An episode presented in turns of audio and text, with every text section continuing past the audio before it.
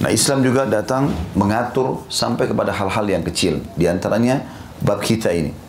Masalah orang kalau buang hajat, buang air kecil, buang air besar, tidak boleh di jalan.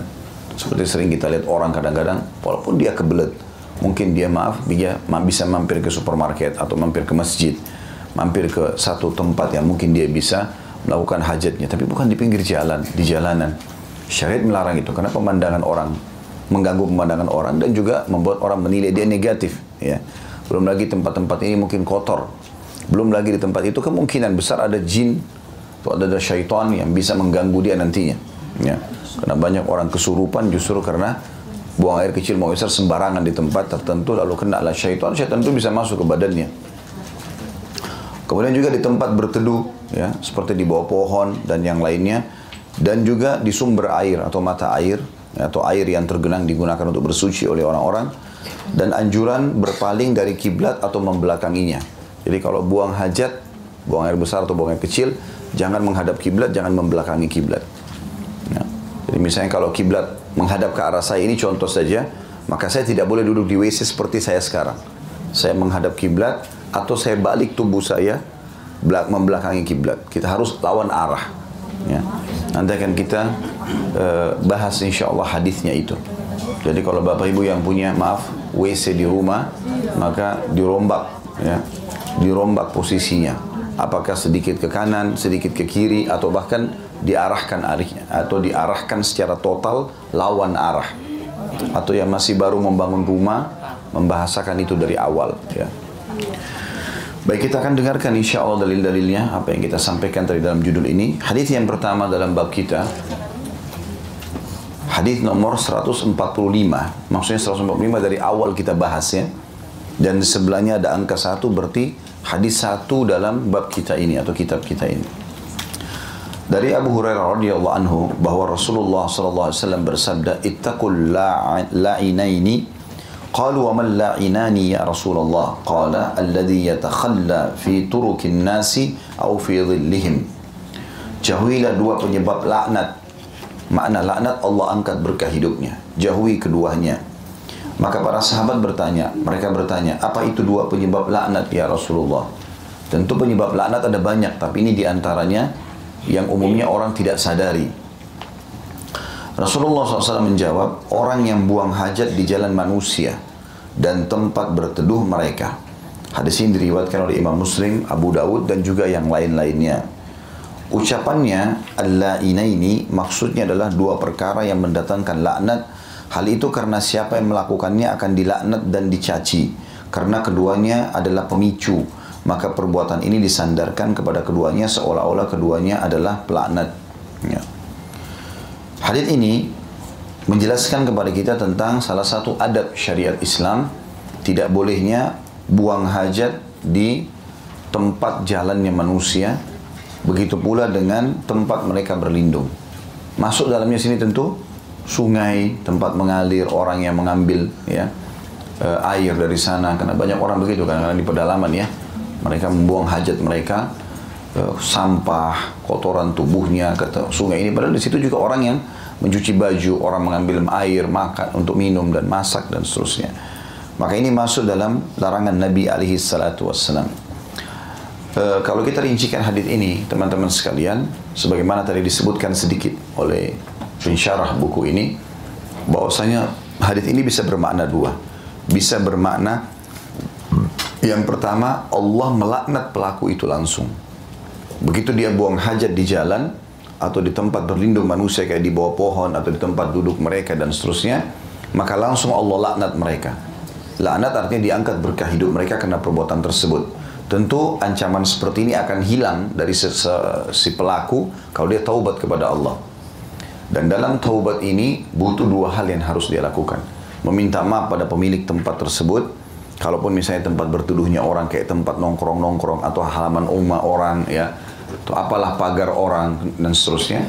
Kemudian yang kedua dia harus menghilangkan bekas itu. Ya, jadi tidak cukup dengan minta maaf saja. Maaf kalau orang buang air kecil sembarangan ada bau pesing segala macam, dia harus siram. Dia harus hilangkan bekas itu. Tidak boleh dia tinggalkan. Jadi ini menandakan tentu mirip saya pernah masuk ke beberapa toilet di beberapa tempat ada tulisan yang biasa dipasang di situ kan. maka tinggalkanlah tempat ini bersih untuk orang yang datang sesudah anda. Itu sangat bagus. Memang itu bagian dari agama kita. Tidak boleh kita masuk ke satu tempat bersih lalu kita tinggalkan kotor. Ya. Karena ada orang seperti itu. Kita masuk ke WC setelah dia kotor sekali.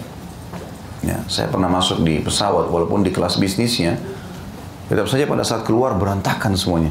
Ya tisu di sana sini, ya basah lantainya. Padahal dia bisa lakukan itu. Apa sulitnya dia ambil tisu lalu dia bersihkan yang bekas dia pakai. Dia keluar kering dan bersih sebagaimana dia tadi masuk atau bahkan dia berikan yang lebih baik daripada itu. Gitu kan. Maka ini termasuk adab syariat. Ya, karena bisa saja dikhawatirkan, jangan sensitif, jangan sampai kita ini e, melakukan itu dan kita anggap sudahlah kan ada orang yang bersihkan, ada cleaning service dan segala macam. Tapi ternyata ini ke, bisa kena ancaman tadi.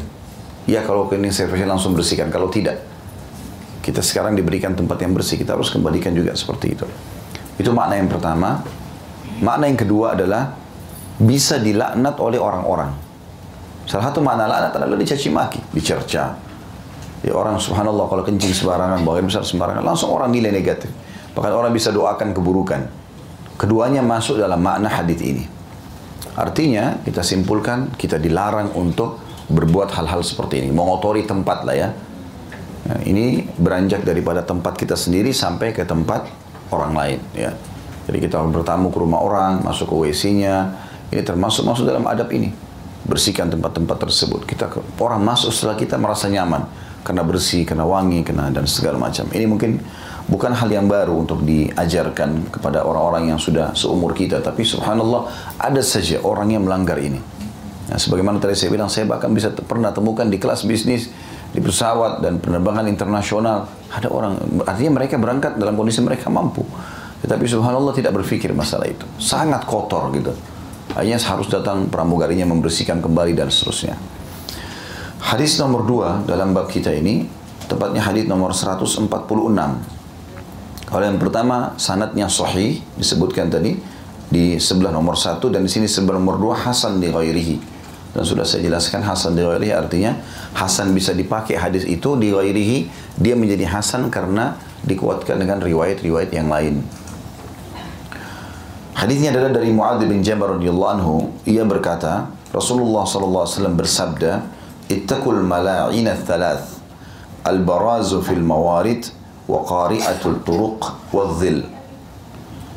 Artinya, jauhilah oleh kalian atau hindarilah dari kalian tiga ya, pemicu atau jauhi tiga tempat pemicu laknat. Buang hajat di sumber air, ya, Situ ada footnote nomor 188 di bawah ya. Al-Baraz dalam bahasa Arab dengan ba dibaca fathah yang berarti tempat kosong yang luas. Ia digunakan sebagai bahasa kinaya atau bahasa kiasan. Kinaya itu kiasan. Untuk buang air besar, juga untuk tempat buang hajat sebab mereka membuang hajat di tempat sepi dari orang sebagaimana dalam dijelaskan dalam kitab An-Nihayah An-Nihaya itu digaris miringkan itu nama buku. Ya. Kata Nabi SAW jauhi tiga tempat pemicu laknat.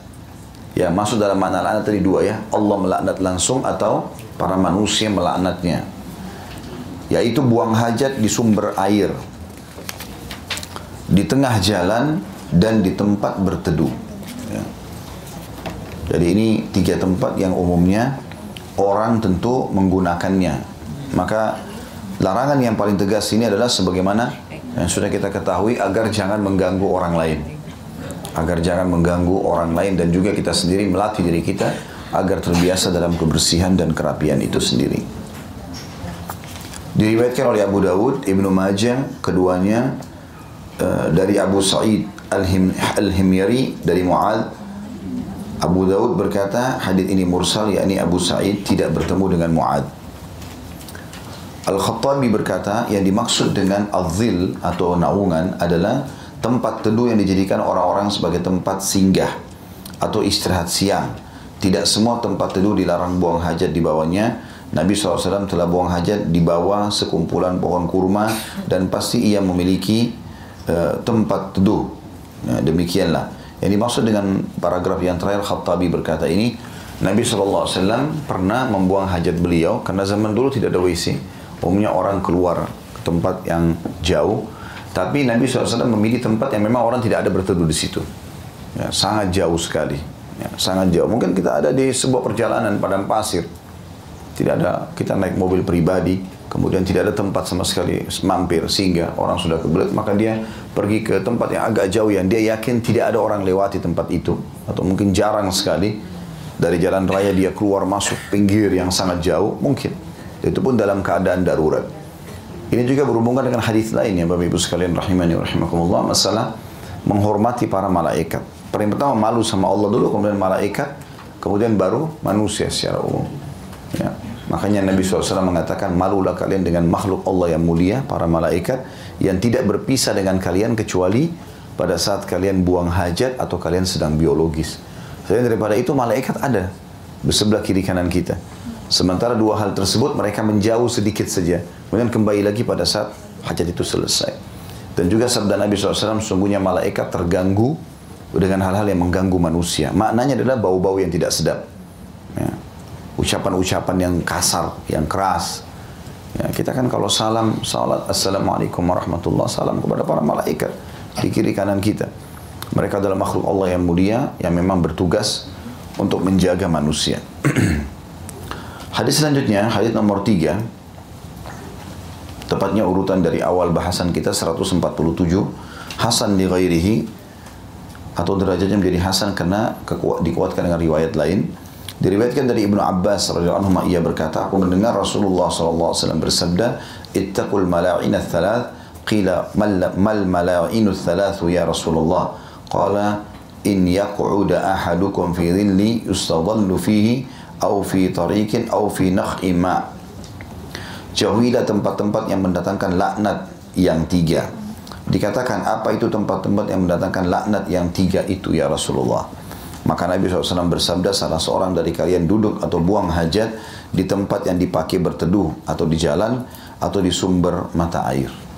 Ya, sama tadi hadis sebelumnya ini tentunya tentang tiga tempat ini. Tempat orang berteduh di jalan dan juga sumber mata air. Termasuk dalamnya adalah sumur dan seterusnya. Hadis selanjutnya, hadis nomor 4 dengan sanad Hasan. Ini tadi hadis nomor 3 saya tidak syarahkan lagi karena sudah kita rincikan di dua hadis sebelumnya. Hadis nomor 148 dari Hudzaifah bin Usaid bahwa Nabi SAW bersabda, saya ulangi dari Hudzaifah bin Usaid radhiyallahu anhu. Ya, jadi kalau ada nama sahabat lebih baik kita memuji atau mendoakan seperti itu. Bahwa Nabi SAW bersabda man adal muslimina fi turuqihim wajabat alaihi la'natuhum. Barang siapa yang menyakiti kaum muslimin pada jalan-jalan mereka maka ia pasti ditimpa laknat mereka. Diriwayatkan oleh At-Tabarani dalam Al-Mu'jam Al-Kabir dengan sanad hasan. Ada sedikit tambahan dalam syarah hadis ini dibanding atau ditambahkan dari hadis-hadis sebelumnya. Hadis ini lebih cenderung menjelaskan kepada kita sebuah hukum lain yaitu kalau ada orang yang melakukan uh, buang hajat di tiga tempat tadi itu maka bagi orang yang lewat boleh melaknatnya. Kan melaknat ini dilarang oleh Nabi SAW. Kecuali orang yang layak kena laknat itu. Ya. Maka salah satunya kata ulama hadith adalah orang yang melakukan perbuatan ini. Makanya Nabi SAW mengatakan mereka pantas kena laknat mereka. Kalau kita sembarangan melaknat orang, mengutuk orang, mendoakan buruk, itu berarti akan kembali kepada kita sendiri. Gak boleh kita sembarangan. Ya, seperti orang menyatakan orang lain kafir misalnya. Kata Nabi SAW, siapa yang mengucapkan kekufuran kepada seseorang, maka akan kembali kepada salah satunya. Kalau orang yang terucapkan atau ditarikan target itu adalah benar kafir, ya sudah. Kalau tidak kembali kepada pengucapnya.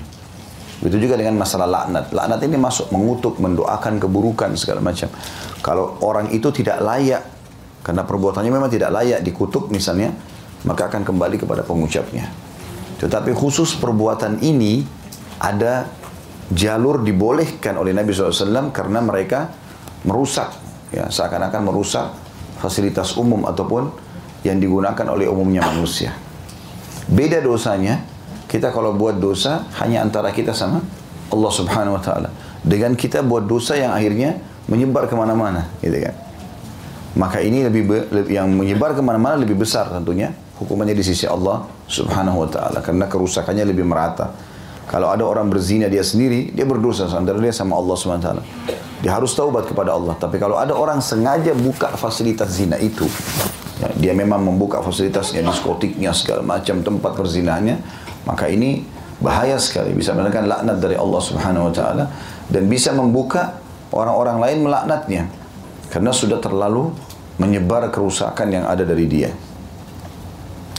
Hadis selanjutnya nomor 149 dan hadis nomor 5 dari kitab kita ini Hasan li ghairihi dari Jabir bin Abdullah radhiyallahu anhuma. Kita katakan radhiyallahu anhuma berarti dua-duanya diridhoi oleh Allah karena Jabir dan ayahnya Abdullah dua-duanya sahabat Nabi.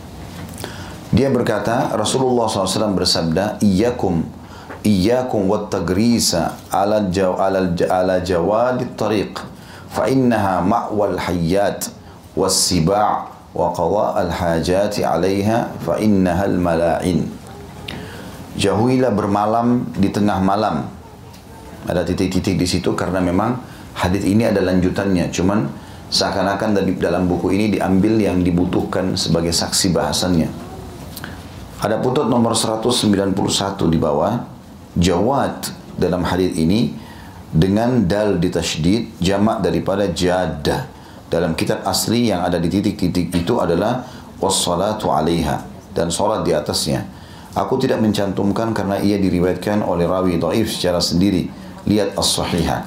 Maksudnya di sini Syekh Albani rahimahullah menitik beratkan ada sesuatu yang saya hilangkan di sini dari titik-titik itu karena beliau menganggap potongan hadis yang harusnya di situ ada itu di, khusus potongan itu diriwayatkan oleh seorang perawi daif atau yang lemah. Dikatakan jauhilah bermalam di tengah jalan karena ia adalah tempat bermalamnya ular-ular dan binatang buas. Jauhilah buang hajat di sana karena ia adalah pemicu laknat.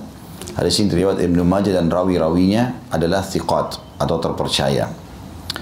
Di sini teman-teman sekalian kita lihat bagaimana Nabi alaihissalatu wassalam memberikan peringatan tambahan selain daripada hadis-hadis yang sebelumnya tentang larangan bermalam di tengah jalan. Ya, artinya umum orang lewat di situ itu ya sudah umum ya artinya orang pastinya kalaupun harus menginap kita lagi keluar kota naik mobil misalnya perjalanan jauh sudah sangat ngantuk alhamdulillah sekarang ada rest area banyak ya ataupun kalau kita harus nginap kita harus mampir ke samping kiri ya pinggir jalan yang sudah diberikan di bahu jalan. Yang memang tempatnya orang untuk memperbaiki mobilnya beristirahat sejenak misalnya. Makanya susah lakukan kalau orang di tengah jalan ini yang halah tidak boleh ya. Semua ini larangan terjadi karena menghalangi jalan orang lain. Jadi tidak boleh karena kesalahan kita atau kebutuhan kita lalu kita menghalangi orang lain. Ya. ini tidak boleh sama sekali. Karena saya lihat kadang-kadang ada orang karena ada satu kejadian yang bagi dia unik di pinggir jalan, lalu kemudian dia berhenti atau dia memperlambat jalannya. Sekarang kan orang kalau naik mobil, ya, kalau kita lihat pemicu macet itu biasanya, orang kalau ada sesuatu misalnya di sana ada orang ban mobilnya pecah atau mungkin ada orang sedikit cekcok ribut di pinggir jalan, kemudian dia berhenti atau dia tidak berhenti, mungkin dia kurangi kecepatan, mungkin dia dari 60 jadi 40 misalnya, otomatis yang di belakangnya jadi 30 Nggak mungkin 40, tabrak pasti kan gitu. Di belakangnya jadi 20, di belakangnya jadi 10, di belakangnya macet semua nih. Ini bisa masuk dalam masalah ini. Tidak boleh menghambat orang gitu. Jadi kalau tidak ada urusan sama kita, ya sudah kita jalan saja. Kecuali kita ada urusannya. Atau kita mau bantu, kita sekarang ke pinggir. Gitu. Jangan menghambat orang lain. Saya berapa kali melihat kasus-kasus macet ini. Kadang-kadang kalau kita sudah tiba di titik paling depannya, nggak ada apa-apa sini. Hanya ada orang ngobrol, ada orang yang lambat, ada orang yang apalah itu, yang tidak perlu semuanya. Ya. Maka sesuatu yang bisa menghambat orang lain, merupakan fasilitas bisa masuk dalam ancaman-ancaman seperti ini. Ya. Walaupun di sini disebutkan adalah masalah tidur, karena umumnya orang kalau tidur itu kan lama di situ ya, lama dia di situ dan akhirnya bisa menghambat lebih lama lagi orang-orang. Tapi dalam hadis ini disebutkan di antara hikmah selain mengganggu orang, karena dia adalah tempat bermalamnya ular-ular dan binatang buas. Artinya seperti itulah binatang. Ngantuk dia tidur di mana saja. Gitu kan? Dan anda manusia tidak boleh sama dengan itu. Ya. Dan beliau mengatakan, ini yang disaksi bahasan kita, jauhilah buang hajat di sana, karena ini adalah pemicu laknat, sebagaimana saya bilang tadi, dilaknat oleh Allah dan dilaknat juga oleh para manusia. Hadis selanjutnya nomor 150 urutan 6 dalam bab kita atau kitab kita ini Hasan li dari Makhul dia berkata nah Rasulullah sallallahu alaihi wasallam an yubala bi abwabil masajid bahwasanya Rasulullah sallallahu alaihi wasallam melarang kencing di pintu-pintu masjid diriwayatkan oleh Abu Dawud di marasilnya tentu kalau pintu masjid jelas ya artinya sangat tidak baik untuk buang air kecil atau buang hajat di situ baik itu di masjid ataupun di tempat-tempat lain, di rumah orang dan semuanya atau di rumah dia. Dan ini umumnya orang tidak lakukan tentunya. Tetapi ada sebuah poin yang ulama datangkan dalam hadis ini mengatakan dan masuk dalamnya adalah sesuatu yang bisa mengganggu pintu-pintu masjid itu. Ya mungkin aromanya paling tidak. Ya, Maka disarankan kalau ada yang bangun masjid menjauhkan antara tempat buang hajat ini dengan pintu-pintu utama masjid supaya baunya tidak masuk ke dalam masjid ya sudah sangat tepat di belakang masjid, sedikit jauh di samping masjid ya. Sehingga tidak berkenaan dengan masalah ini. Karena ada sebagian masjid mungkin terlalu dipaksakan bentuknya sehingga WC itu sangat dekat dengan pintu utama bahkan ada yang dekat sekali dengan ya, tempat imam sehingga bau selalu aja masuk dalam masjid gitu kan. Sedikit saja bocor WC itu maka bisa masuk baunya seluruh masjid dan ini mengganggu orang sholat. Terganggulah orang ibadah kepada Allah Subhanahu wa taala. Oleh karena itu saya juga sarankan teman-teman sekalian bagi yang ingin membangun masjid jangan setengah-setengah. Bersedekah di jalan Allah ini jangan setengah-setengah. Jadi maksain diri untuk bangun masjid tapi memang asal jadi. Kalau nggak mampu untuk membangun yang bagus, ajak teman-teman yang lain. Toh kita ajak mereka, mereka ikut menyumbang, kita juga dapat pahala mereka karena kita yang ajak gitu kan. Daripada harus bangun masjid asal jadi saja.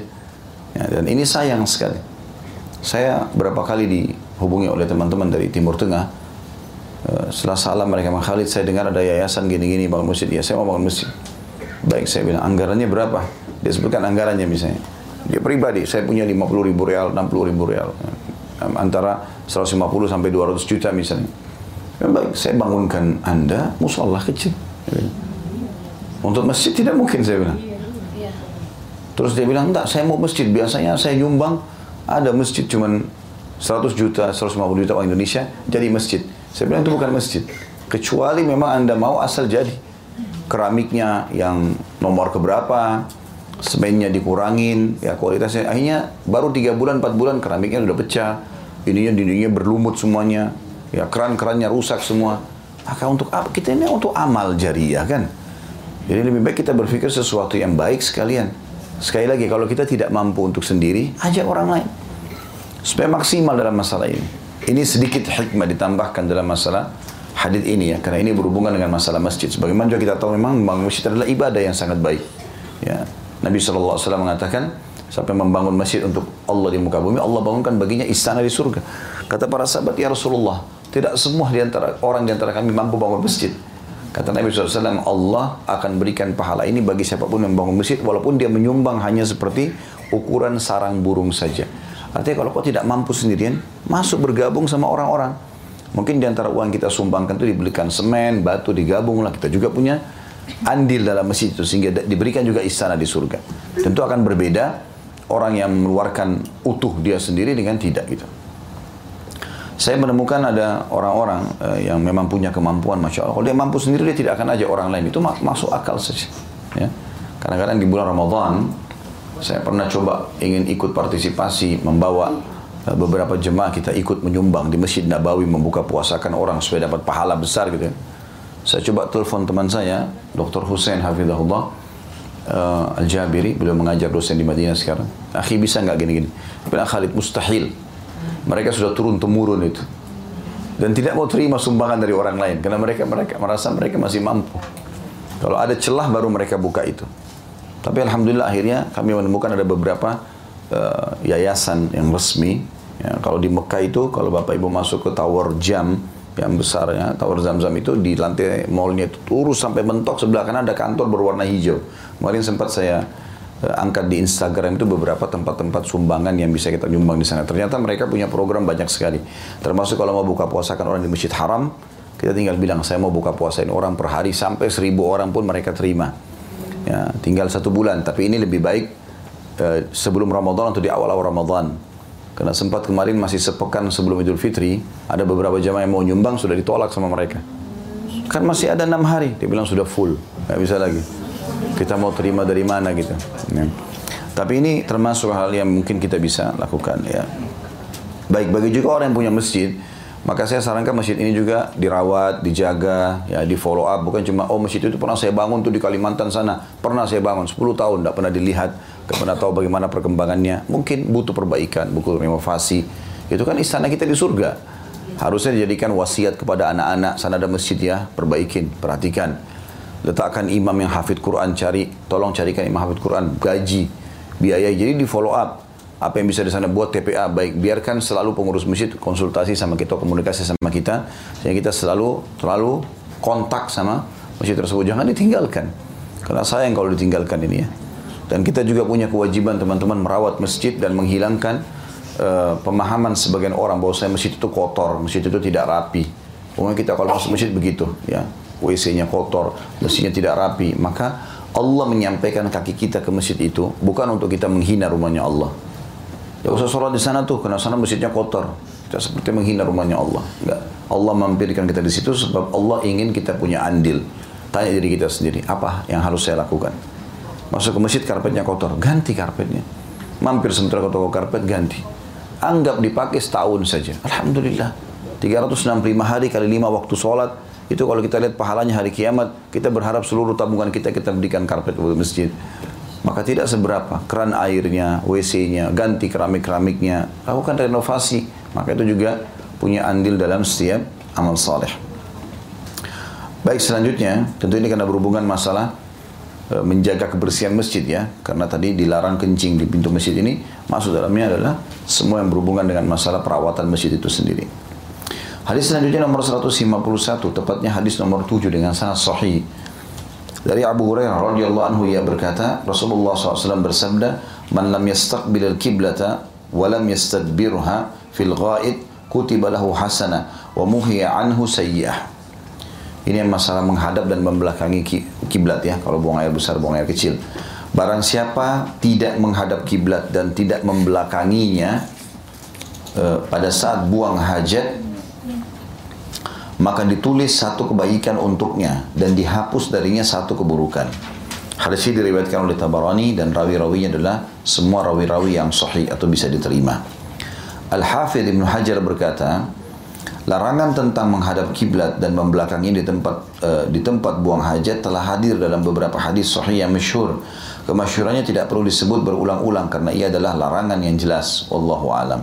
Artinya di sini sangat jelas penekanan dari Nabi Alaihissalam untuk seseorang itu tidak menghadap dan membelakangi kiblat pada saat pada saat buang hajat ya. Hadis ini dikuatkan dengan hadis-hadis yang lain adanya larangan untuk menghadap dan membelakangi kiblat. Dan kalau ada orang tadi misalnya, jangan Bapak Ibu sekalian merasa rugi hanya karena panggil tukang merombak posisi WC.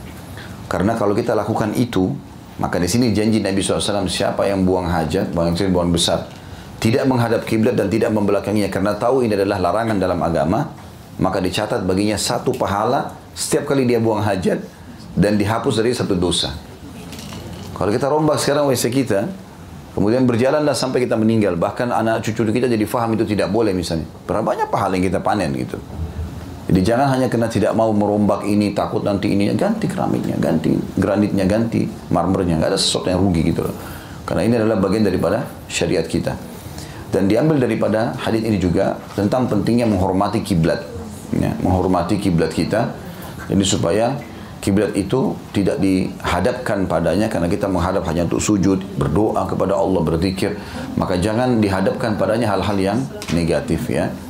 Sebagian ulama bahkan menitik beratkan dan saya ini tradisi di beberapa kota di Indonesia sangat bagus itu sebenarnya.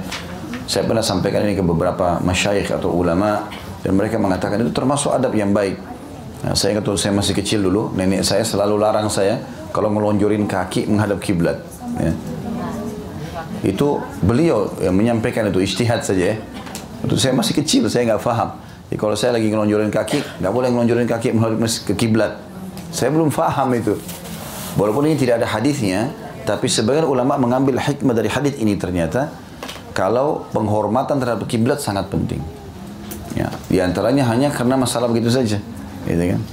Maka ini semestinya juga dijaga sebagai adab. Kalau saya lihat di di dalam uh, keluarga kami, orang-orang tua kami dulu, memang seperti itu kalau saya lihat tekan tegas masalah ini. Bahkan saya dilarang untuk melonjorin kaki di depan orang lebih tua misalnya. Itu dilarang sekali. Akhirnya adab-adab yang sangat bagus untuk dijaga. Walaupun kalau orang lagi duduk tidak dilarang, tetapi ada baiknya ya ada baiknya. Atau orang tua duduk di bawah, kita duduk di atas, maka ditegur gitu kan. Nggak boleh, harus duduk di bawah juga. Kadang-kadang kita membiarkan anak-anak kita duduk di sofa, kita di bawah. Panggil dia, nak duduk di bawah. Karena ibu sama ayah duduk di bawah. Biasakan dari kecil. Ya, karena itu adalah adab yang sangat baik. Tapi kita kembalikan ke masalah kiblat ya.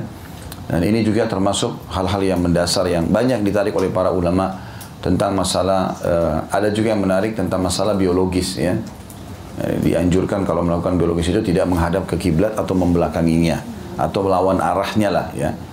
Ini anjuran sebagian ulama ya tentang masalah e, perilaku ini diambil daripada hadis-hadis seperti ini. Baik kita masuk sekarang ke e, bab nomor dua dalam kitab kita ini ancaman kencing di air tempat mandi dan juga sarang rayap. Hadis nomor 152 tepatnya hadis nomor satu dalam e, bab ini khususnya. Dengan sanad sahih dari Jabir radhiyallahu anhu dari Nabi sallallahu alaihi wasallam annahu naha ayyubala fil ma'ir rakid. Bahwasanya beliau sallallahu alaihi wasallam melarang kencing di air yang diam atau tergenang. Diriwayatkan oleh Imam Muslim, Ibnu Majah dan juga An-Nasai. Tentu ada sebuah pelajaran juga di sini. Kalau air mengalir sungai laut masih dibolehkan karena sifatnya air itu mengalir. Sebagaimana dalam bab wudhu juga bolehnya kita berwudhu di air yang mengalir. Walaupun mungkin di situ ada kontaminasi bakteri atau maaf, maaf najis, tetapi karena luas kayak sungai atau apa saja kita, kita lagi uduk gitu kan, ternyata ada emas-emas lewat di sana, ya. Tapi jauh dari kita gitu kan. Maka dia tidak merusak air itu karena kecilnya dan besarnya laut ini atau sungai ini gitu. Selama itu mengalir. Di sini Nabi SAW melarang dan ini semua sama. Faedah yang diambil adalah dari hari-hari sebelumnya agar tidak mengganggu fasilitas umum atau jangan merusaknya atau mengganggu orang lain. Ya. Dan Nabi SAW menyebutkan tentang ciri orang-orang beriman, khairun nasi anfa'um nas. Manusia yang paling baik adalah manusia yang paling bermanfaat bagi orang lain. Ya. Maka ini semua termasuk yang harus diperhatikan. Dan ini berhubungan dengan hadis-hadis sebelumnya tentunya. Hadis nomor dua, tepatnya hadis 153 dari awal bab kita, atau dari awal kitab kita. Dengan sanad sahih dari Bakr bin Ma'iz, dia berkata, radhiyallahu anhu aku mendengar Abdullah bin Yazid menyampaikan hadis radhiyallahu anhu juga dari Nabi SAW beliau bersabda la ينقع baulun fi tas eh, fi tastin fil bait fa innal malaikata la tadkhulu baitan fihi baulun muntaqa wa la tabulanna fi magsalik atau fi magsalik ya. Air kencing jangan dikumpulkan di bejana dalam rumah karena malaikat tidak masuk rumah yang ada kencing yang dikumpulkan di dalamnya. Dan janganlah kamu kencing di kolam tempatmu mandi. Maksudnya tergenang airnya ya. Diriwayatkan Tabarani dalam Mu'jamul Awsat, ini nama buku Al-Mu'jamul Awsat dengan sanad Hasan dan Al-Hakim. Dia berkata sanadnya sahih. Hadis ini tentu menganjurkan ya, agar seorang muslim tidak menampung kotorannya ya. Tidak menampung kotorannya. Uh, saya tidak tahu tentang kebenaran informasi itu, tapi kemarin pada saat kami bimbing umrah plus Turki, ada satu tour guide-nya Turki ini yang menjelaskan tentang masalah eh, parfum-parfum uh, yang dipakai oleh para sultan-sultan pada masa kejayaan Utsmaniyah itu kan cukup banyak yang ini, yang itu, yang itu dijelaskan sama dia. Terus kemudian sempat dia selipkan. Dia bilang, apa anda tahu bagaimana perbedaan antara kerajaan Islam dengan kerajaan non-Muslim dulu? Di zaman itu ya, ada kerajaan Romawi segala macam. Mereka dulu tidak mengenal hal-hal yang seperti ini. Termasuk masalah buang hajat, buang yang besar, buang kecil. Dan sampai hari ini mereka memang tidak cebok kan gitu. Kebanyakan kan. Mereka menggunakan tisu, saja tidak menggunakan air segala macam. Dan itu kan memang bahkan banyak umat Islam yang ikut-ikutan WC-nya seperti itu. Padahal kita tidak bisa kecuali dengan air ya. Kalau di negara-negara kafir, negara mereka mungkin masih bisa kita maklumi. Saya itu hari diundang ke Australia susah. Sampai kemudian sepupu saya ada di sana saya minta bawain wadah apa yang bisa kita pakai. Sudah terbiasa dengan air gitu. Tapi kalau di Indonesia, yang kita anggap negara Islam, mayoritas muslim ikut-ikutan, ini kenapa ini? Harusnya kan memang ada airnya gitu kan. Tapi dia bilang, di zaman kerajaan-kerajaan dulu, termasuk kerajaan yang ada di Perancis itu, mereka raja-rajanya, mereka punya istana besar-besar, gitu kan? Mereka tidak punya WC karena mereka tidak tahu itu untuk itu. Maka caranya mereka taruh di bejana-bejana, di wadah-wadah ditaruh untuk raja-raja mereka. Dan itu mereka setiap kali mau buang hajat begitu, mau hajat begitu selalu. Dan kalau sudah uh, penuh gitu, keluarlah bau yang tidak sedap tentunya. Maka mereka mengeluarkan parfum yang ada toiletnya itu. Awal mulanya kata dia begitu, Allahu alam. Saya tidak tahu. Awal muara kisahnya begitu. Sehingga mereka semprotin ruangan itu. Ya. bahkan lebih jauh, ya, bahkan lebih jauh dia cerita dia bilang kadang-kadang mereka karena istananya tinggi-tinggi, bejananya kalau sudah kotor nggak dibersihkan dibuang. Nah kadang-kadang ada orang yang kena di bawah, gara-gara itu dibuatlah ide payung. Tapi ini jangan dimasukin dalam pelajaran kita, hanya selingan saja. Karena dia sampaikan ke saya kemarin, baru waktu yang berapa bulan lalu sempat ya. Tapi saya lihat memang orang ini banyak baca buku ya. Banyak orang yang kelihatan cerdas dan Masya Allah dia banyak sekali informasinya. Ya, yang jelas teman-teman sekalian, kita kembali ke makna hadis ini. Ke makna hadis ini kalau kita dilarang untuk uh, buang air kecil ataupun buang air besar di air yang tergenang. Ya, di air yang tergenang tidak mengalir ya seperti bak dan sebagainya ini termasuk hal yang dilarang. Begitu juga dengan malaikat dikatakan dalam hadis yang selanjutnya tidak akan masuk rumah di mana ada kotoran yang sengaja ditampung. Ya ini mungkin kalau kita ambil pelajaran-pelajarannya termasuk ibu-ibu kalau anaknya buang air walaupun pakai pembalut atau uh, apalah ya. Saya tidak sebut nama itu karena takut nanti dianggap uh, apa namanya promosi iklan. uh, yang jelas yang sering digunakan oleh pembalut anak-anak ya Eh, untuk mereka uh, buang air buang besar. Ini kalau selesai langsung dibuang saja. Kalau dikerasik dibuang di tempat yang aman. Jangan sampai dibiarkan tergeletak walaupun kita mengantuk segala macam. Karena ancamannya berat. Kapan ada kotoran tercecer di mana-mana, maka membuat malaikat tidak masuk. Tidak masuk berarti tidak akan membawa rahmat Allah SWT. Karena mereka masuk membawa rahmat Allah Subhanahu Wa Taala. Sebagaimana pernah saya bilang, Bapak Ibu usahakan beli buku yang judulnya Rumah-rumah yang tidak dimasuki oleh malaikat itu usahakan dimiliki dan baca seperti apa sih rumah yang dilarang itu sehingga kita bisa tahu dan menjauhkan rumah kita dari hal-hal yang seperti ini. Juga yang dimaksud dengan potongan hadis dan jangan kalian kencing di kolam tempat kalian mandi, maksudnya adalah bak air yang kita nampung ya. Tidak masuk dalam ini kalau di bathtub segala macam kita lagi mandi pakai shower ada lubang terbuang itu nggak masalah karena airnya mengalir. Ya. Ya, kalau ini airnya tidak boleh tidak boleh. Termasuk kolam renang ya. Bukan di situ tempat buang hajat itu, ya. Mengganggu orang lain, walaupun dia bilang airnya nanti dibersihkan. Sudahlah, intinya tidak usah buang hajat. Yang pernah melakukan bertobat kepada Allah. Waktu masih SD, Allahu alam. Baiklah, selanjutnya hadis nomor 154, hadis nomor 3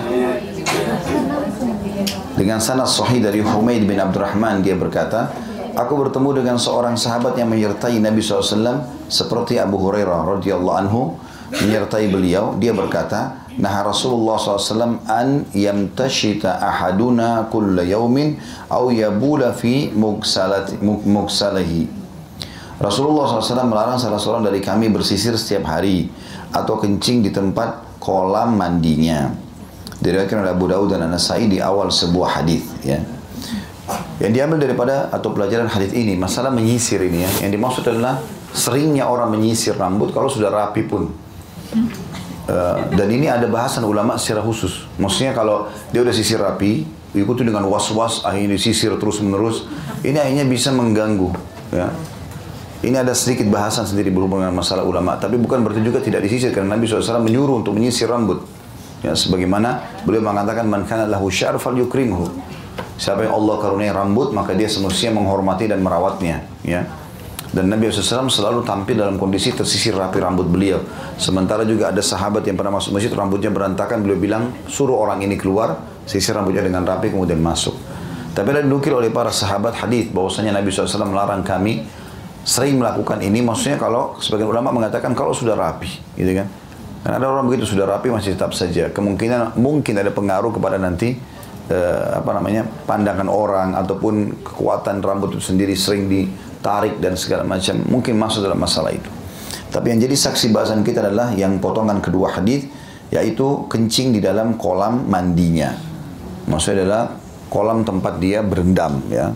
Kalau zaman dulu orang mengatakan kolam itu memang kayak sama dengan betap kita sekarang, tapi mereka tidak punya tempat pembuangan airnya. Jadi diisi pakai wadah-wadah bejana nanti dibuang lagi ya dengan cara dikeluarkan lagi air tersebut. Nah, ini biasanya akan ada kotoran tertampung. Yang mirip tadi kalau mungkin dibahas masalah kolam renang itu kalau zaman sekarang ya.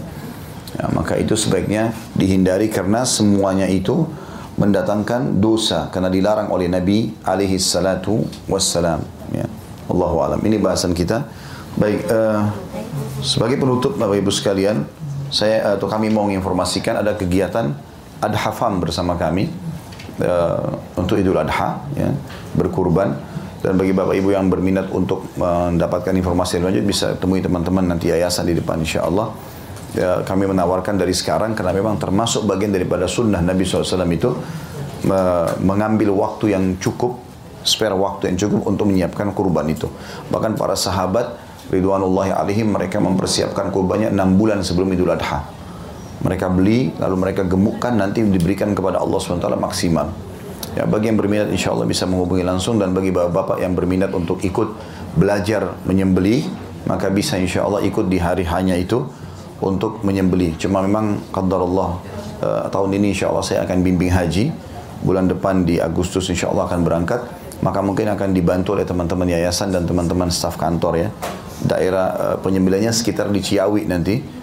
Uh, ada sekian, sekian sekitar ribu, seribu ekor domba yang kami siapkan untuk itu. Kalau ada jemaah yang mau partisipasi insya Allah. Itu saja kalau tidak dititipkan juga bisa dititipkan insya Allah. Dan kalau yang di daerah Jabotabek berminat untuk mengambil sebagian dagingnya, termasuk sunnah Nabi SAW, itu bisa dibahasakan. Kalau tidak diamanahkan pun tidak ada masalah insya Allah. Allahu alam. Baik ini penyampaian saya. Mohon maaf kami tutup dulu sampai sini. Karena hari Jumat dan saya harus juga berangkat pada hari ini ke Bangka Belitung. Ada tablik akbar di sana. Uh, maka saya insya Allah harus langsung ke bandara sekarang. Mudah-mudahan apa yang kita pelajari ini bermanfaat buat kita semua. Subhanakallahumma bihamdika. Asyhadu an la ilaha illa anta astaghfiruka wa atubu ilaik. Wassalamualaikum warahmatullahi wabarakatuh.